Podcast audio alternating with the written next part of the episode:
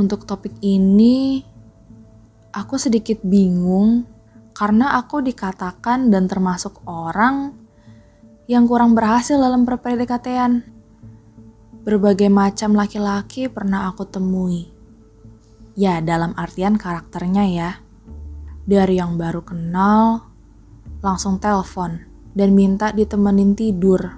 Yang menurutku, teleponan sambil denger orang ngorok tuh nggak make sense sama sekali.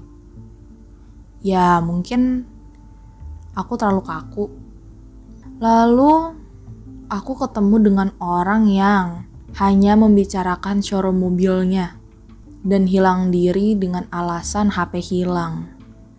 Dan itu juga gak make sense karena sehilangnya kontak di zaman sekarang kan ada sosial media untuk mempermudah cari orang bertemu lagi dengan orang yang gaspol, yang membuatku risih untuk melanjutkan.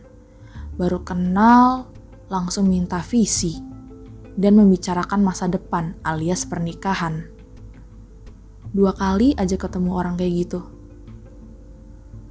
Aku bertemu lagi dengan orang yang memberikan treat yang baik, namun tidak dengan sakit yang dia berikan.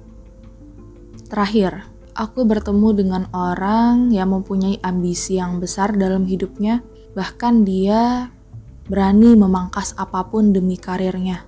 Orang ini punya pengaruh besar dalam hidupku untuk tidak menyerah.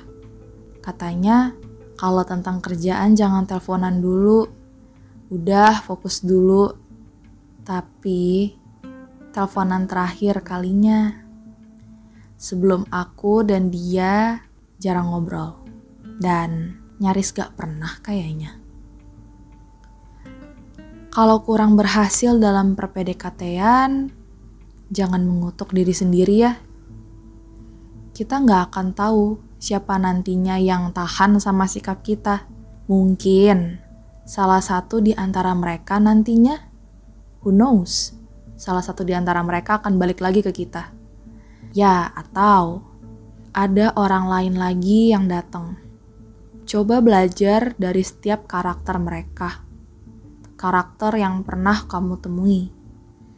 Supaya nggak kaget lagi dan tahu harus apa kalau ketemu karakter yang pernah kalian temui.